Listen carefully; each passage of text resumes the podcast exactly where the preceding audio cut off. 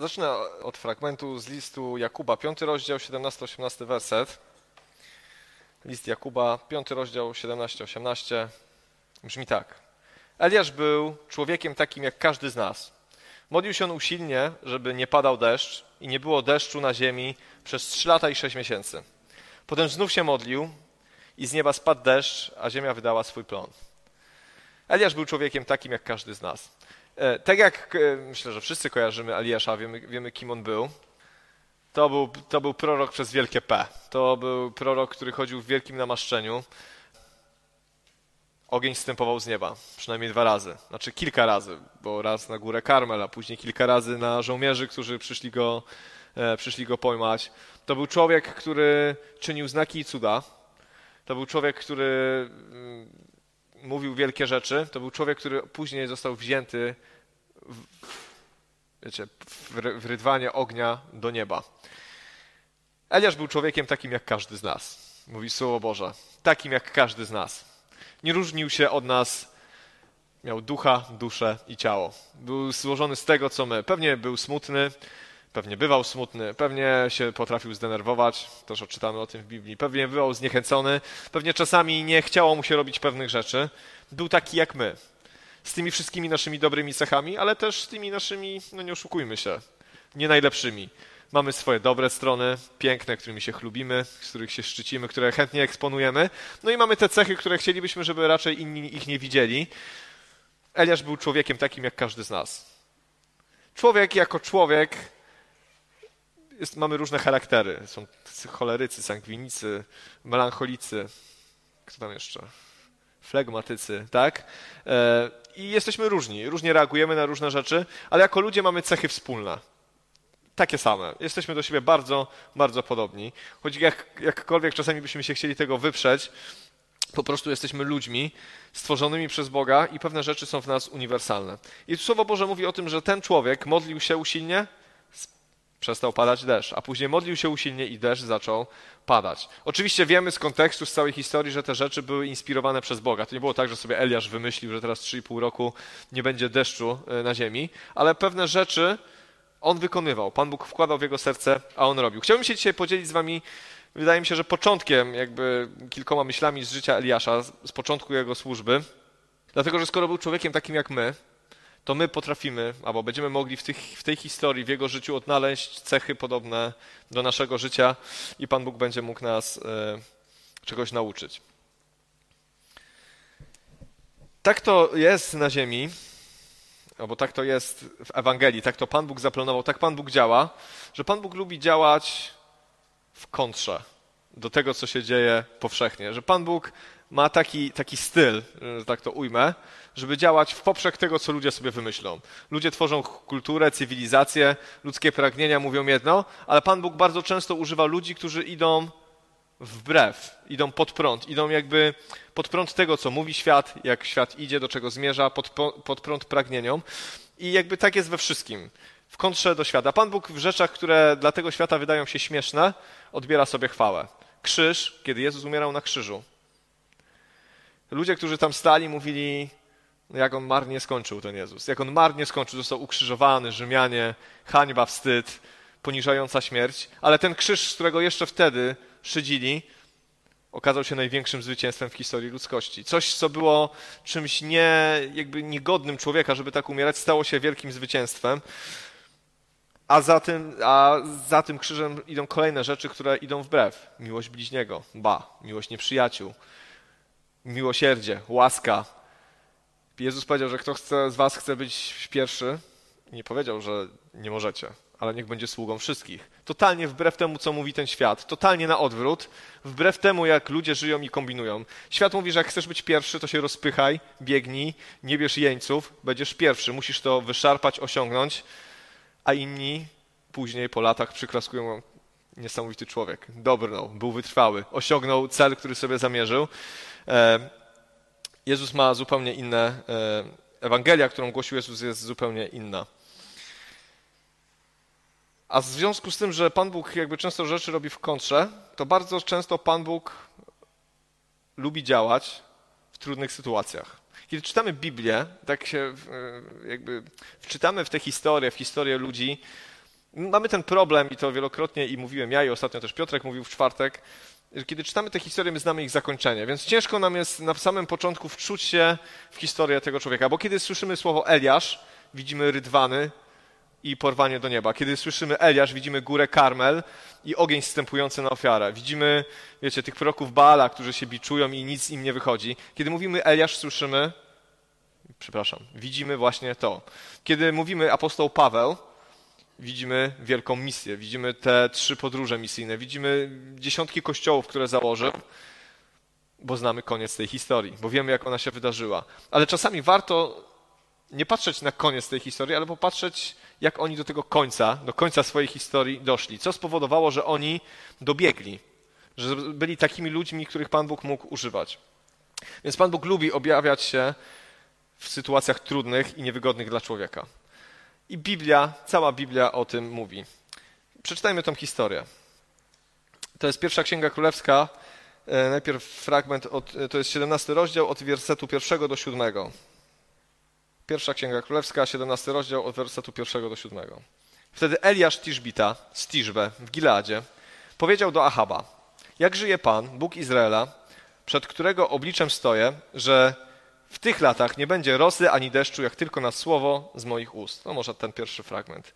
Nic nie wiemy o Eliaszu wcześniej. Żaden fragment wcześniej nie mówi nam o powołaniu Eliasza, kim był Eliasz, e, jakie miał wykształcenie, kim był. Wiemy, że to jest Eliasz Tiszbita z Tiszbe. W dalszych rozdziałach wiemy, jak był ubrany. Odziany w, e, w odzienie z sierści wielbłąda i przepasany skórzanym pasem. Tyle wiemy o Eliaszu, ale na samym początku nie wiemy nic. Nie mamy historii powołania, tak jak u Izajasza, nie mamy historii jego życia, nie, nie ma tam historii, że z jego dzieciństwa, jak go Pan Bóg cudownie prowadził. Nagle pojawia się Eliasz. Pojawia się Eliasz. Nie wiadomo skąd. Do końca nie wiadomo kto, bo nie czytamy o nim wcześniej. I przychodzi do króla Ahaba. Wiecie, Ahab to nie był król z tych miłych. Ahab to był król Izraela. Kiedy myślimy o Ahabie, to, to był najgorszy król Izraela w kontekście bałwochwalstwa, bezbożności, odejścia od Boga i jakby zaparcia się tego, co, co, co było w Piśmie Świętym. Achab i jego żona Jezebel, Izabel, w zależności od tłumaczenia, e, była, byli taką parą, która rzeczywiście jest w Biblii takim synonimem odstępstwa, zła, niegodziwości. E, Achab to nie był człowiek, który, który był miły. Jak bardzo mu się spodobała winnica Nabota, to pozwolił swojej żonie zrobić wszystko, zabić tego Nabota w, w obrzydliwy sposób, żeby tylko tą winnicę dostać. On co prawda tego nie zrobił, zrobiła to jego żona, ale on się z tego cieszył, kiedy już mógł tą winnicę dostać. To był człowiek, który nie bał się wrzucić proroka do więzienia tylko dlatego, że mu powiedział, żeby nie jechał na wojnę, bo zginie. To był człowiek, który wbrew zakonowi, wbrew tradycji ściągnął kult Baala do Izraela, zbudował mu świątynię, ołtarz i nie miał żadnych oporów do tego, żeby oddawać jawnie cześć innemu Bogu. Więc to był ktoś, kto naprawdę budził, budził trwogę. I ten Eliasz znikąd pojawia się, przychodzi do króla Izraela i mówi: Nie będzie deszczu przez, e, nie będzie deszczu w tych latach. Jeszcze nie powiedział ile, tylko na słowo z moich ust. I znika. I znika. Więc pewnie Achab, który to usłyszał na początku, pomyślał sobie: jakiś wariat, kolejny pewnie. Jakiś, jakiś dziwny człowiek pojawił się, dziwnie ubrany, coś powiedział i zniknął. No bo skoro nie będzie deszczu przez jakiś czas, wiecie, jak nie ma deszczu przez tydzień czy, czy przez dwa, to da się przeżyć. Przez miesiąc pewnie da się przeżyć. Więc pewnie Achab się połapał, że to jest prawda po kilku miesiącach albo po jakimś dłuższym okresie czasu, kiedy tego deszczu rzeczywiście nie było. I zaczął tego Eliasza szukać. No bo kiedy Eliasz to powiedział, no to powiedział i, i zniknął.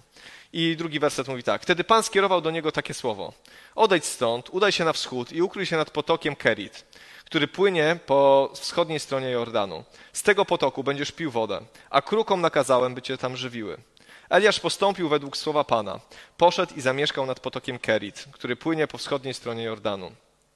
Kruki przynosiły mu tam chleb i mięso rano i wieczorem, a wodę pił z potoku. Lecz po upływie pewnego czasu potok wysechł, ponieważ w kraju nie było deszczu. Pan Bóg mówi do Eliasza takie słowo uciekaj, ukryj się nad potokiem Kerit. Pan Bóg wiedział, że Ahab w pewnym momencie się e, pokapuje, o co tutaj, o, o, że to jest prawda, co Eliasz powiedział i zacznie go szukać. No bo skoro Eliasz powiedział, że tylko na słowo z moich ust ten deszcz znowu spadnie, no to Eliasz jest tutaj kluczową postacią, więc po prostu Pan Bóg powiedział, schowaj się. odejdź na odosobnienie. Idzie nad potok Kerit. E, kiedy czytałem tą historię, bo my ją wszyscy znamy, mm, ona jest taka bardzo szkółkowa, gdzie tam przykleiliśmy sobie te kruki na tablicę i tam one przynosiły ten chleb e, i mięso Eliaszowi. Ale jest w tym coś bardzo ciekawego, dlatego że Eliasz, który, który musiał się odważyć zrobić coś bardzo. No musiał mieć tą odwagę, żeby podejść do króla Izraela i powiedzieć: Nie będzie deszczu. Tak mówi Pan. Nie. Yy, jako żyje Pan Izraela, przed którego obliczem stoję, nie będzie deszczu. Który musiał się odważyć to zrobić, który nie wiemy skąd był. Teraz Pan Bóg mówi: idź na, na. Teraz musisz iść i się ukryć. Ciężko powiedzieć, ile on tam był. Jeżeli cała susza trwała 3,5 roku, a ten etap dzieli się na dwie części, czyli potok Kerit i później Sarepta Sydońska, to bibliści mówią, że około roku siedział nad tym potokiem. Około roku czasu siedział sam, kruki przynosiły mu chleb i mięso, a on pił wodę ze strumienia. To jest taki moment w jego życiu, w którym on e, musiał być sam. Musiał być sam. Był on i Bóg. No wiadomo, kruki, ale z krukami pewnie nie porozmawiał. Był, był sam. Pewnie w jego, w jego głowie wiele rzeczy się działo. Czyli to jest taki moment w życiu człowieka, w którym Pan Bóg zaczyna kogoś używać, coś przez niego zrobił, zapoczątkował pewien proces, a teraz mówi, a teraz spokojnie. Teraz musisz się ukryć, teraz musisz zniknąć. I co tam się dzieje nad tym potokiem Kerit? Nad tym potokiem Kerit jest Boże zaopatrzenie ciekawe Boże zaopatrzenie. Kiedy myślimy sobie o Bożym zaopatrzeniu, to co macie w głowie? Takie biedne zaopatrzenie, czy takie bogate zaopatrzenie? Jak mówimy Boże zaopatrzenie. Jakbym miał sobie tak po ludzku pomyśleć, że Pan Bóg kogoś zaopatruje, to tak, użyję takiego sformułowania, to na, na wypasie, że takie dobre rzeczy, takie super, dobre rzeczy, przyjemne. Ale tutaj Eliasz siedzi nad potokiem Kerit, pije wodę ze strumienia, a kruki już nie mówię, że to jakby jest to niesamowite, że kruki przywożą, przynoszą ci chleb i mięso, ale jest to chleb i mięso. Kruki nie przylatywały do niego, nie wiem, ze schabowym, z ziemniakami, z jakimiś bażantami, z jakimiś rarytasami. Przez cały rok jadł chleb, mięso i pił wodę. Był zaopatrywany przez Boga we wszystko, co najważniejsze. Co wszystko, co jest potrzebne do życia, ale to nie były luksusy. I zacząłem się zastanawiać nad tym. No pięknie Pan Bóg tutaj nagradza Eliasza, który idzie, zbiera się na odwagę, robi to, co do niego należy, idzie do Achaba, ryzykuje swoje życie. No Achab był taki, no lekko może niepoczytalny, różne rzeczy mógł z tym Eliaszem zrobić. No i w nagrodę Eliasz dostaje trzy lata. Pierwszy rok spędza nad potokiem, w samotności, o chlebie, mięsie i wodzie. Dlaczego? Dlaczego nie w jakichś luksusowych warunkach? Dlaczego nie nie uciekł do jakiegoś obcego kraju. Dlaczego? Przecież Pan Bóg mógł jakiegoś tam króla Babilonu przekonać w sercu, żeby przyjął Eliasza na dworze i żeby on sobie opływał w luksusy. Nie, on siedzi nad potokiem Kerit. I po, po, e, potok Kerit, to miejsce, jak się o to modliłem, to jest takie miejsce, myślę, że w życiu wielu chrześcijan, w którym jest czas, żeby sobie pewne rzeczy przemyśleć. Gdzie jesteśmy my i Bóg. Gdzie jesteśmy my i Bóg, jest Jego zaopatrzenie. Ale najważniejsze, najważniejsze rzeczy – Chleb. Czego symbolem w Biblii jest chleb? Jezus powiedział: Ja jestem chlebem życia. Ja. Kto mnie spożywa, będzie miał życie wieczne. Kto będzie mnie jadł, kto będzie korzystał z tego, co dla was zrobiłem, z mojej ofiary na krzyżu, będzie żył. Kiedy, kiedy czytam o tym, że Eliasz jadł chleb przez ten rok, wierzę w to głęboko, że miał głęboką relację z Bogiem. Że przez ten rok spotykał się z Bogiem, rozmawiał z Nim, uczył się słuchać Jego głosu uczył się rozpoznawać, co on do niego mówi. I nie da się inaczej nauczyć rozpoznawać głosu Boga, jak przebywać z nim. Nie ma takiej opcji, że przeczytasz książkę. One mogą pomóc. Nie jest tak, że ktoś ci to dobrze wytłumaczy. Nie jest tak, że pojedziesz na konferencję. Żeby nauczyć się rozpoznawać głos Boży, trzeba z nim bardzo długo przebywać, trzeba go słuchać, trzeba nadstawiać ucha, trzeba umieć rozpoznawać się, rozpoznawać to, co on mówi, a co jest może powiedziane przez nieprzyjaciela, a może przez ten świat, a może to jest zwykły hałas, w naszym życiu, ale muszą być do tego specjalne warunki. Musisz być sam. Musisz być sam. Musi być takie miejsce, gdzie nikt ci nie przeszkadza, gdzie jesteś ty i Bóg, gdzie możesz nauczyć się słuchać. On tam spożywał chleb. Chleb jest potrzebny do życia. Chleb jest w Biblii, w naszym życiu ciągle podstawowym składnikiem. Są osoby, co prawda, które nie jedzą pieczywa, ale rzadko się spo, takie spotyka, ale to jest główny składnik naszej codziennej diety. Możemy wybrzydzać białe pieczywo, czarne, jakieś tam, ale ogólnie jemy chleb albo jakieś pieczywo codziennie. Jest to naturalny pokarm każdego z nas. Modlimy się, chleba naszego powszedniego daj nam dzisiaj. I od chleb od początku ludzkości był głównym pokarmem, więc to Eliasz miał. Był zaopatrzony w to, co najważniejsze, w to, co tak naprawdę daje życie. Ale miał też mięso. Miał też mięso. Mięso, e, wiadomo, wegetarianie czy weganie będą się ze mną kłócić teraz, ale mięso daje siłę. No nie tylko mięso, inne rzeczy pewnie też, ale mięso daje energię. Tak, tak się przynajmniej kojarzy, że człowiek jakby ma więcej, więcej siły, żeby na przykład wykonywać ciężką pracę, no jest po prostu lepiej, lepiej odżywiony, jest potrzebne, żeby móc coś robić. To też zostało mu, e, zostało mu dane.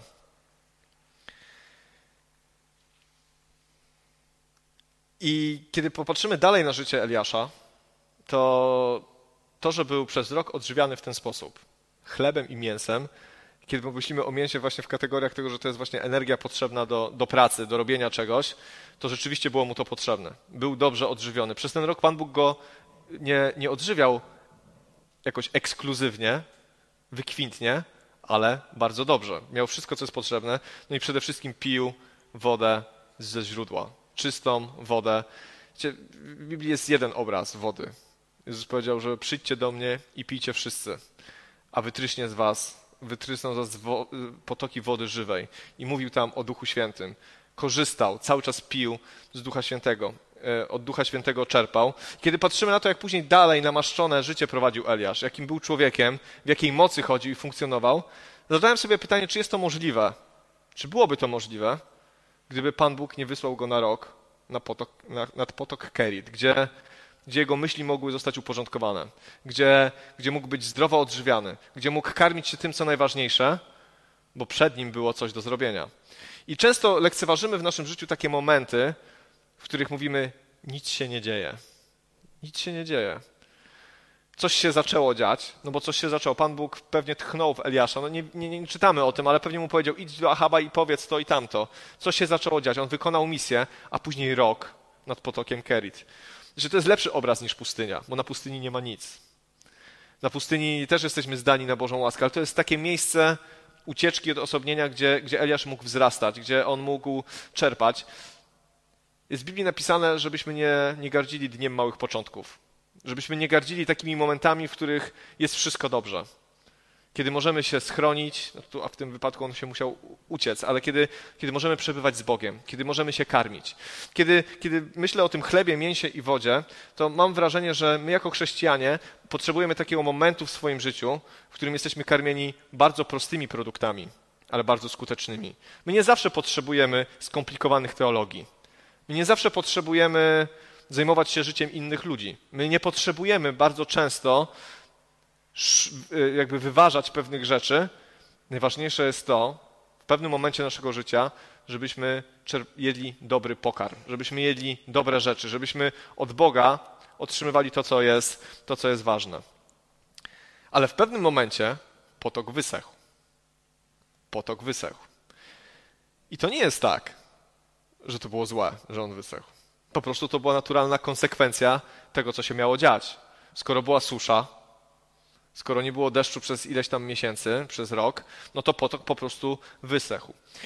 W takim momencie, kiedy jesteśmy nad takim, wiecie, potokiem, gdzie możemy odbierać od Boga, gdzie kruki w ponadnaturalny sposób Pan Bóg objawia nam swoje słowo, kiedy się uczymy, kiedy, kiedy wzrastamy, kiedy jemy chleb, kiedy jemy mięso, kiedy nabieramy siły, kiedy pijemy wodę, kiedy doświadczamy Ducha Świętego, kiedy nasze życie krzepnie duchowe, kiedy jesteśmy ewidentnie do czegoś przygotowywani i nagle potok wysycha i nagle potok wysycha. Wiecie dlaczego? Dlatego, że nie wiem, czy Eliasz był zadowolony z tego, że musiał siedzieć tam przez rok sam. Nie wiemy, jakim był człowiekiem. Podejrzewam, że nikt raczej nie byłby zadowolony z siedzenia nad potokiem przez rok sam. Ale był to czas, w którym Pan Bóg na pewno działał w jego życiu, chociaż nie wiemy, co do niego mówił. Ale on tam był. Nie wierzę w to, że przez rok Eliasz po prostu siedział i patrzył się w niebo. Pan Bóg coś musiał robić w jego życiu, on musiał go poznawać. Wierzę w to głęboko. I kiedy i kiedy jesteśmy już tacy najedzeni, kiedy jesteśmy zaopatrzeni, kiedy w czasie suszy jesteśmy, mamy to, co jest ważne, wysycha potok. I wtedy ludzie wierzący jakby mają dwie postawy. Boże, Boże, panika, nie mam co pić, coś się skończyło, czegoś nie ma, jest dramat, coś, coś, co zrobiłem źle, co poszło nie tak, dlaczego mi to robisz? Dlaczego mi to robisz? Potok wysach, co ja teraz zrobię? Gdzieś coś, przychodzą jakieś doświadczenia, jakieś problemy i gdzieś nagle czujemy, że nie ma tego przepływu. Albo możemy zrobić to, co Eliasz. Eliasz słuchał głosu Bożego. I czytamy dalej tak. Wtedy Pan skierował do niego słowo tej treści. Wstań, udaj się do Sarepty, która należy do Sydonu i tam zamieszkaj. Oto nakazałem tam pewnej kobiecie, wdowie, aby cię utrzymywała. Potok wysycha, ale Pan Bóg mówi. Pan Bóg nie zostawia tego dalej. To był po prostu etap. To był pewien okres w życiu Eliasza, który on musiał przejść z racji jego bezpieczeństwa, ale też wierzę dla jego kondycji duchowej. I ten okres się po prostu skończył. W naszym życiu różne okresy też się kończą. Nie możemy całe życie wygodnie siedzieć i jeść. No, akurat tu lekko nadinterpretowuję, bo tam wcale Eliasz nie miał być może tak wygodnie nad tym potokiem Kerit, ale, ale w życiu naszym nie chodzi o to, żeby te kruki, wiecie, cały czas nam przynosiły mięso i chleb, żeby ten potok cały czas płynął, żebyśmy mieli cały czas zapewnione to, co jest ważne. Bo jak popatrzymy na tą historię w kontekście tego, że w Izraelu w tym czasie ludzie nie mieli co jeść i co pić, bo była susza, to rzeczywiście Eliasz był mocno błogosławiony. Nad tym potokiem Kerit w tej swojej samotności był mocno błogosławiony, bo jego życie nie zostało narażone na niebezpieczeństwo, ale życie całego Izraela tak, bo oni nie mieli co jeść. Więc kończy się ten moment i ten moment go wypycha. Pan Bóg mówi, jest kolejny krok, idziesz dalej, idziesz dalej. Pan Bóg skierował do niego słowo tej treści. Pan Bóg skierował do niego słowo. Czy Pan Bóg dzisiaj mówi do swoich dzieci? Mówi. Mówi do każdego z nas. Mówi przez Twoje słowo, mówi przez proroków, mówi przez proroctwa, mówi przez braci i siostry, mówi przez różne rzeczy. Tylko pytanie jest, czy jesteśmy w stanie go usłyszeć, albo czy chcemy go usłyszeć. Są dwie, w takim procesie komunikacji, to taki najprostszy schemat świata, są dwie osoby. Jest osoba, która mówi i osoba, która odbiera komunikat. Oczywiście, żeby odebrać komunikat, to musimy być przede wszystkim, tak mi się wydaje, oczywiście Pan Bóg jest nieograniczony w swoim miejscu, ale musimy być w miarę blisko tej osoby, żeby usłyszeć, co chce nam powiedzieć. Musimy rozpoznać jej głos i musimy wierzyć, że to ona do nas mówi. Ale to jest połowa sukcesu, bo później, bo później trzeba wstać i to zrobić. Bo później trzeba Bogu zaufać i wykonać to, co do nas mówi. problem dzisiejszego chrześcijaństwa nie polega na tym, że Pan Bóg nie mówi absolutnie nie polega na tym, że Pan Bóg nie mówi. Mamy całe Słowo Boże, szczególnie Nowy Testament, naszpikowane Bożymi obietnicami. O pełni ducha, o Bożych darach, o miłości, o łasce, o Bożym prowadzeniu, o Bożym uzdrowieniu, o Bożym wybawieniu. To wszystko tu jest. Pan Bóg do nas mówi. Pewnie czytamy Biblię codziennie i myślę, że codziennie czytamy przynajmniej kilka obietnic Bożych, które jest tutaj zawarta. Nie opuszczę Cię, nie zostawię. Pan Bóg mówi cały czas. Ale problemem nie jest to, że Pan Bóg nie mówi dzisiaj do kościoła albo do nas. Problem jest taki, że albo tego nie słyszymy, albo tego nie robimy. I nieważne, w jakiej, nie wiem, co jest gorsze. W sumie bez różnicy, bo i tak nie ma tego efektu.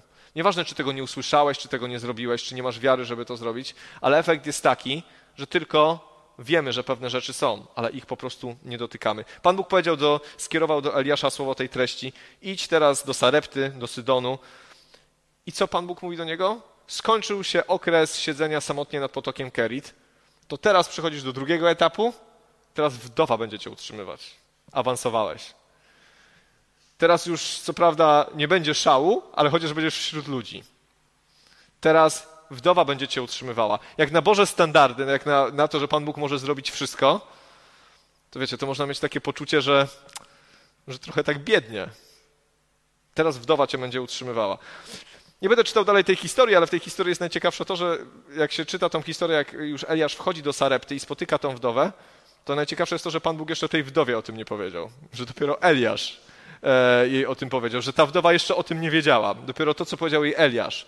Wiecie, znacie tą historię, że ona, on wchodzi do Sarepty, widzi tą kobietę, która zbiera i mówi do niej, przynieś mi trochę wody. Ona już idzie przynieść wodę, a Eliasz do niej mówi, i zrób mi mały placek, przynieś mi trochę, przynieś mi trochę chleba.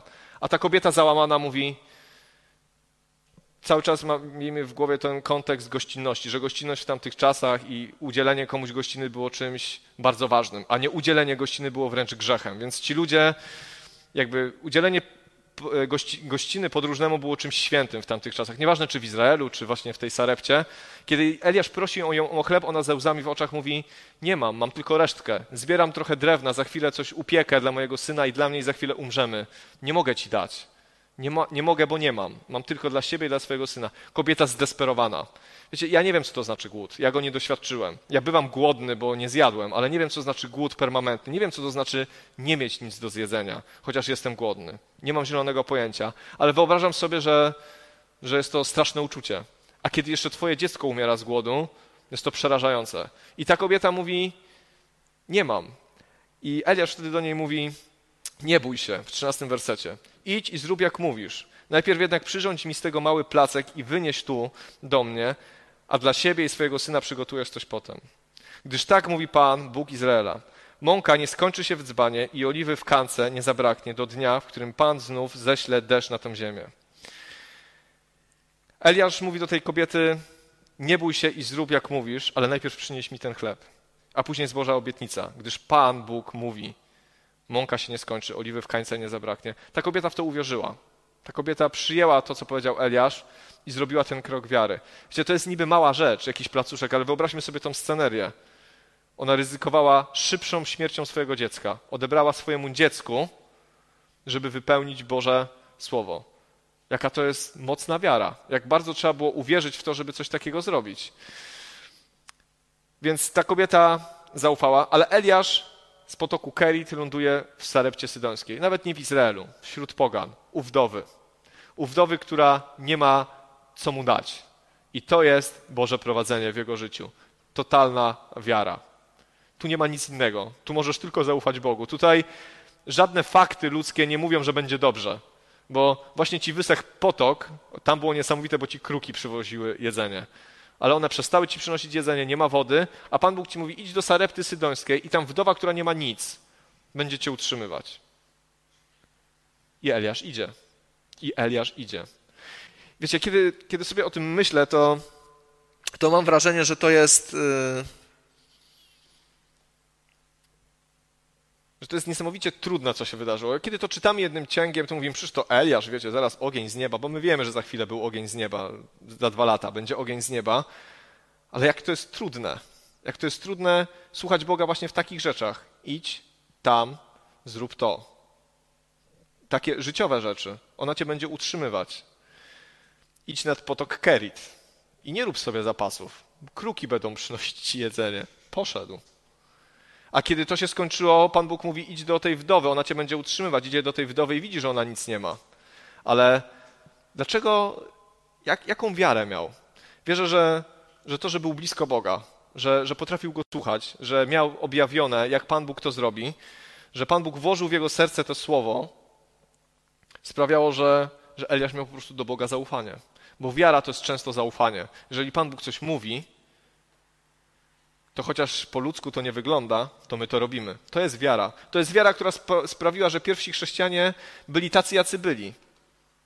To nie byli ludzie wykształceni, elokwentni, to nie byli ludzie po, wiecie, po szkołach teologicznych, tam niczego nie było, oni nawet jeszcze Nowego Testamentu nie mieli. Ale oni mieli wiarę, oni mieli Boże obietnice, oni mieli totalne zaufanie, że Pan Bóg się do tego przyzna. Eliasz wiedział, że Pan Bóg się do niego przyzna. Więc Eliasz ląduje w Sarepcie Sydońskiej. Kobieta poszła więc i postąpiła tak, jak jej powiedział Eliasz. Po czym jedli ona i on i pozostali w jej domu przez wiele dni. Mąka nie wyczerpała się w dzbanie, a w kance nie zabrakło oliwy, zgodnie ze słowem Pana, który wypowiedział za pośrednictwem Eliasza.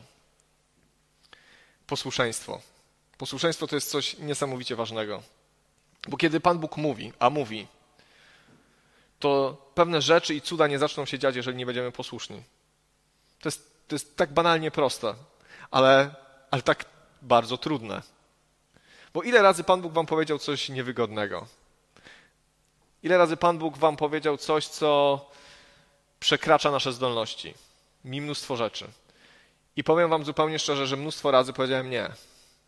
Nie, nie, nie, po prostu nie, to jest dla mnie za trudne. Nie, nie potrafię tego zrobić, nie zrobię tego. Przerasta mnie to. Ale zdarzały się momenty, w, w którym powiedziałem, Boże, Zrobię to. I wiecie, że nigdy Pan Bóg mnie w tym nie zostawił. Nigdy Pan Bóg nie powiedział, to teraz sobie radź sam. Zgodziłeś się. Nigdy tak nie było. Wiele razy ja Panu Bogu powiedziałem nie. To mnie przerasta. Wiele razy powiedziałem, że to jest za trudne, oczekujesz ode mnie za dużo. Ale wtedy, kiedy powiedziałem Panu Bogu tak, On nigdy nie powiedział, że nigdy mnie nie zostawił. Myślę, że takie, takich świadectw mamy tutaj mnóstwo. Drobnych, mniejszych, większych, ale to, co tutaj się rozgrywa, to widzicie, to nie jest ciągle góra Karmel. To nie, są ciągle, to nie jest ciągle ogień z nieba. To nie jest ciągle, to nie jest rydwan pełen ognia. To są zwykłe, codzienne sprawy. Chleb i mięso, kruki, wdowa, kawałek placka. To są zwykłe, proste rzeczy. To jest nasza codzienność, to jest codzienność Eliasza. Eliasz jeszcze tutaj nie wszedł na jakiś niebotyczny poziom namaszczenia. On tutaj nie chodzi w płomieniu ognia, nie wchodzi do Sarepty i wszyscy nie rzucają mu placek, placków pod nogi. On przychodzi jako zwykły człowiek, odziany w jakąś sierść wielbłądzią. Nikt nie wie, kto to jest. Niczego jeszcze nie zrobił, niczego nie dokonał. Można by powiedzieć, że w oczach ludzi jest niczym, ale w zwykłych, codziennych rzeczach Pan Bóg go prowadzi, krok po kroku. Mięso, kruki, potok, a później Sarepta i wdowa, która która po prostu uwierzyła Bożemu Słowu. I co tu jest napisane? Że zostali tam przez wiele dni. Ta mąka się nie wyczerpała w dzbanie i te, w tej kance nie zabrakło oliwy.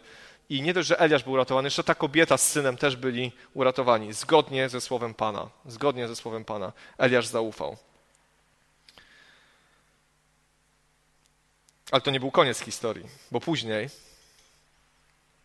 że moglibyśmy powiedzieć, że to całkiem fajnie. Eliasz zaufał, sprawa, sprawa, sprawa już się powoli zamyka, Eliasza charakter się kształtuje, już za chwilę będzie gotowy do służby.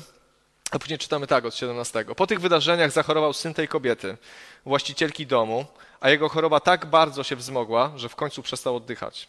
Wtedy kobieta powiedziała do Eliasza: co nas z sobą łączy, mężu Boży? Przyszedłeś do mnie, by przypomnieć mi moją winę i doprowadzić do śmierci mojego syna. Jest tam mąż Boży. Jest tam Boże działanie. Ewidentny cud. Niekończąca się mąka, niekończąca się oliwa, a jednak syn tej kobiety umiera. Dzieje się coś, co nie wpisuje się absolutnie w scenariusz. Coś, co nie powinno się wydarzyć. Dlaczego? Umiera syn tej kobiety. Przecież wszystko dzieje się tak, jak Pan Bóg by chciał, żeby się działo. Nie ma tu żadnych po co komplikować. Ale jednak ten, ten syn umiera. I ta kobieta jest sfrustrowana, jest oburzona, jest rozgniewana i, i nie ma co się jej dziwić. Ona tego totalnie nie rozumie. Co tutaj się dzieje? Co nas ze sobą łączy, mężu Boży? Przyszedłeś do mnie, by przypomnieć mi moją winę i doprowadzić do śmierci mojego syna. Myślenie człowieka, zwykłe myślenie człowieka. Jeżeli stało się coś złego, to na pewno jest to moja wina. Coś zrobiłem źle. Moje grzechy, moje winy, coś, co ja zrobiłem, Pan Bóg teraz się na mnie mści. Nie wiem, odpłaca mi tak jak, e, tak jak mi się należy. To było jej myślenie. To jest myślenie wielu ludzi dzisiaj, którzy jak chorują, którzy jak przeżywają trudne rzeczy, to mówią, Boże, dlaczego mi to zrobiłeś? Wcześniej do Boga nie wołają, bo On Bóg ich nie interesuje i nie obchodzi. Ale kiedy dzieje się coś złego, Pana Boga obwiniają winą za swoje nieszczęście, albo obwiniają siebie i mówią, to moja wina, to przeze mnie. Ale to prawdopodobnie nie była ani jej wina, ani, a już na pewno nie była to wina Boga. Lecz on ją poprosił, daj mi swego syna i wziął go z jej objęć, zaniósł go do górnej komnaty, w której mieszkał i tam położył go na swoim łóżku. Potem zawołał do Pana, Panie, Boże mój, czy także na tę wdowę, u której goszczę, chcesz sprowadzić nieszczęście, odbierając życie jej synowi? Jakie słowa? Panie Boże mój, wyznaję, wyznaję do kogo się modli, do swojego Boga, bo Boże mój. Czy także na tę wdowę, u której goszczę chcesz sprowadzić nieszczęście? Wiecie, gorycz, żal, niezrozumienie. Na, także na tą wdowę chcesz sprowadzić nieszczęście? Na całego Izraela sprowadziłeś nieszczęście? Tak to brzmi. Jeszcze na tą wdowę, która mi takie miłosierdzie okazała. Wiecie, Eliasz też jest, y, ma rozbuchane emocje. My jako ludzie mamy swoje emocje i nie jesteśmy w stanie od tego uciec. Wydaje nam się, że jak przychodzimy do kościoła, to emocje powinny gdzieś opaść. Ale tak nie jest, bo mamy swoje emocje, przeżywamy gorycz, żal, ból, radość i to wszystko w nas jest i od tego nie uciekniemy. Nie wyłączymy swoich emocji przychodząc do kościoła, żeby włączyć chrześcijański tryb, że jest wszystko dobrze. Emocje w nas buzują cały czas i one w nas będą. U Eliasza te emocje były widoczne. On po prostu Panu Bogu jakby nawet zadał jakieś trudne, wyrzucił coś z siebie, coś, co go bolało troszeczkę podobne do psalmów Dawida. Dawid też się nie szczypał język. On mówił, Boże, dlaczego? Dlaczego, dlaczego tak cierpię? To jest niesprawiedliwe wręcz. E, często tak zarzucał Bogu. Ale potem wciągnął, e, wyciągnął się nad dzieckiem trzy razy i zawołał do Pana. Panie Boże mój, niech wróci proszę życie do tego dziecka w jego wnętrze. Ale Eliasz nie obraził się na Boga. Myślę, że to jest mm, klasyczna postawa w obliczu trudności. Albo idziemy do Boga, tak jak Eliasz, Panie Boże, przywróć życie temu dziecku, albo obrażamy się na Boga i mówimy, kończę to. Kruki, ok, wszystko było fajnie, tutaj cuda, ale to już jest za dużo, nie zniosę tego. Ale Eliasz nie obraził się na Pana Boga, Eliasz pobiegł do Pana Boga, bo wierzył, że Pan Bóg może zwrócić mu życie że może zwrócić życie temu chłopcu. I Pan wysłuchał głosu Eliasza, życie dziecka wróciło do jego wnętrza i ożyło. Eliasz wziął je zatem, zaniósł do górnej komnaty, do domu i oddał je jego matce. Oznajmił przy tym, spójrz, twój syn żyje. Wtedy kobieta wyznała Eliaszowi, teraz to wiem, że jesteś mężem Bożym i że słowo Pana w twoich ustach jest prawdą. To, co się wydarzyło, jak, jak ja na to patrzę, to, co się wydarzyło, pokazało po pierwsze, kim jest Eliasz, ale przede wszystkim pokazało to, kim jest Bóg. W jakim autorytecie on przyszedł, że to nie był jakiś trik z mąką i z oliwą, że to nie było jakieś oszustwo, że nagle to jest mąż Boży, który, który jest wysłannikiem żywego Boga. Jeżeli dziecko umiera, on się modli i to dziecko żyje. Potężny znak i cud. Wiecie, to jest y, jak, jak w służbie Jezusa. E, jego, y, jego przeciwnicy oburzali się oczywiście na to, co Jezus mówił ale najbardziej oburzali się wtedy, kiedy Jezus uzdrowił ślepego od urodzenia. Tego się nie dało wytłumaczyć. Kiedy, kiedy wskrzesił Łazarza, to był gwóźdź do trumny, można by było powiedzieć. To było coś, co przypieczętowało to, że faryzeusze powiedzieli, koniec, musimy go zabić, tego człowieka, bo jest po prostu niebezpieczny. Boża chwała się objawia. Pan Bóg się przyznaje do, do swoich ludzi i Eliasz, Eliasz wychodzi z Sarepty, z, takim, z tym wyznaniem tej kobiety. Teraz wiem, że jesteś mężem Bożym i że słowo Pana w Twoich ustach jest prawdą. Teraz wiem, że jesteś mężem Bożym, że przeszedłeś pewien proces. Kiedy patrzę na ten protokerit, tą sareptę i śmierć tego syna, widzę, że Eliasz był w pewnym procesie. Nikt z nas nie lubi być w procesie. My byśmy chcieli od razu być na końcu pewnego procesu. Każdy z nas chciałby być Eliaszem w formie góra Karmel. Tu prorocy Baala, Boże, ogień z nieba. Wszyscy byśmy chcieli być Eliaszem ale myślę, że nikt z nas nie chce być Eliaszem przez trzy lata na, nad potokiem i u tej wdowy. W nędzy, bez fajerwerków, w pewnym procesie uczenia się pewnych rzeczy, zaufania Bogu, słuchania Jego głosu i, i chodzenia dalej krok po kroku. Wierzę w to głęboko, że, że kiedy Słowo Boże mówi, że jesteśmy tacy jak Eliasz, że Eliasz był takim człowiekiem jak my, takim jak my. Modlił się, nie było deszczu, modlił się i spadł deszcz. To zachęca mnie to słowo do tego, żebym nie lekceważył takiego czasu. Żebym nie lekceważył takiego czasu, w którym rzeczywiście pewne rzeczy nie są widowiskowe. Pewne rzeczy nie są takie, może jakbym sobie to zamarzył. Ale, ale jest to czas Bożego odżywienia, Bożego karmienia, uczenia się słuchania głosu Bożego, ale przyjdzie czas, w którym Pan Bóg się przyznaje do swoich dzieci. I w to głęboko wierzę, że Pan Bóg zawsze przyznaje się do tych, którzy za nim idą. Ewangelia o tym mówi, historia Kościoła o tym mówi, że Pan Bóg zawsze przyznaje się do ludzi, którzy idą za nim. I nigdy ich nie zostawia samych. Przykłada do tego rękę. Kiedy apostołowie modlili się po tym pierwszym prześladowaniu, kiedy Piotr z Janem byli przed Radą Najwyższą, modlili się, pozwól nam głosić Ewangelię z mocą, a Ty będziesz a Ty będziesz potwierdzał to, co głosimy znakami, cudami i przejawami mocy. Myślę, że to, co się dzieje w naszym życiu, bardzo często to nie jest widowiskowe, to nie są widowiskowe rzeczy. Bardzo często nasze życie to jest codzienny znój i zmaganie. To jest szukanie pożywienia, to jest karmienie się, to jest, wiecie, to jest to, ta proza życia. Ja nie mówię, że w tym nie ma cudownych, wielkich rzeczy, bo są, ale prawda jest taka, że jeżeli zaniedbamy naszą codzienność, zaniedbamy nawet naszą taką chrześcijańską mówię, że pozytywną rutynę. Pozytywną rutynę to znaczy czytanie słowa, modlitwę, relacje z innymi chrześcijanami, przebywanie w Bożej obecności. Jeżeli zaniedbamy takie rzeczy, nie bądźmy naiwni. Nie będzie góry Karmel. Nie będzie góry Karmel.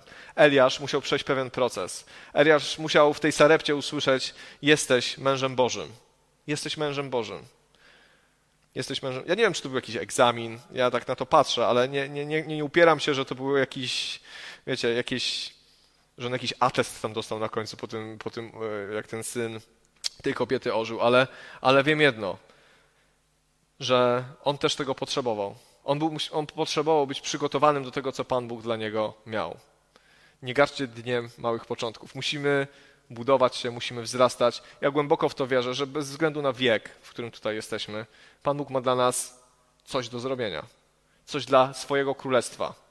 Nie coś dla nas, wiecie, nie jakiś prezencik, który sprawi, że poczujemy się lepiej jako chrześcijanie, ale coś do zrobienia dla innych. W tym mieście jest wiele ludzi, którzy Chrystusa nie zna, którzy giną. Jesteśmy my. I wierzę, że Pan Bóg chce nas użyć do tego, żeby do nich dotrzeć, do naszych rodzin. Kto ma tam dotrzeć, jak nie my? Ale czasami potrzebujemy przejść ten proces, czasami potrzebujemy się nakarmić, czasami potrzebujemy zaufać. Tak jak Eliasz, usłyszeć głos Boży i zaufać. Nie kombinować po swojemu, nie mówić, mam już dosyć siedzenia nad potokiem, nie pójdę do wdowy, sam to załatwię, e, Ahab mnie nie znajdzie, nie będę żył w takich warunkach. Możemy tak myśleć po ludzku, ale Pan Bóg ma dla nas jakiś plan i albo go posłuchamy i wejdziemy w ten plan i będziemy robić to, co się Bogu podoba, albo powiemy Bogu nie, będziemy żyć po swojemu, to zawsze kończy się źle. Prędzej czy później, ale zawsze kończy, kończy się źle. Chciałem nas do tego zachęcić, żebyśmy, żebyśmy jeżeli jesteśmy w takim procesie, a wierzę, że wielu z nas jest, żebyśmy tym nie gardzili, żebyśmy słuchali głosu Bożego, żebyśmy wykorzystali ten czas. Pan Bóg chce działać. Nie jesteśmy inni niż wielcy mężowie Boży. Oni wszyscy przeszli swój okres wzrostu. Czytamy o nich, o tych najwspanialszych dziełach i się zachwycamy. Ale oni zapłacili cenę.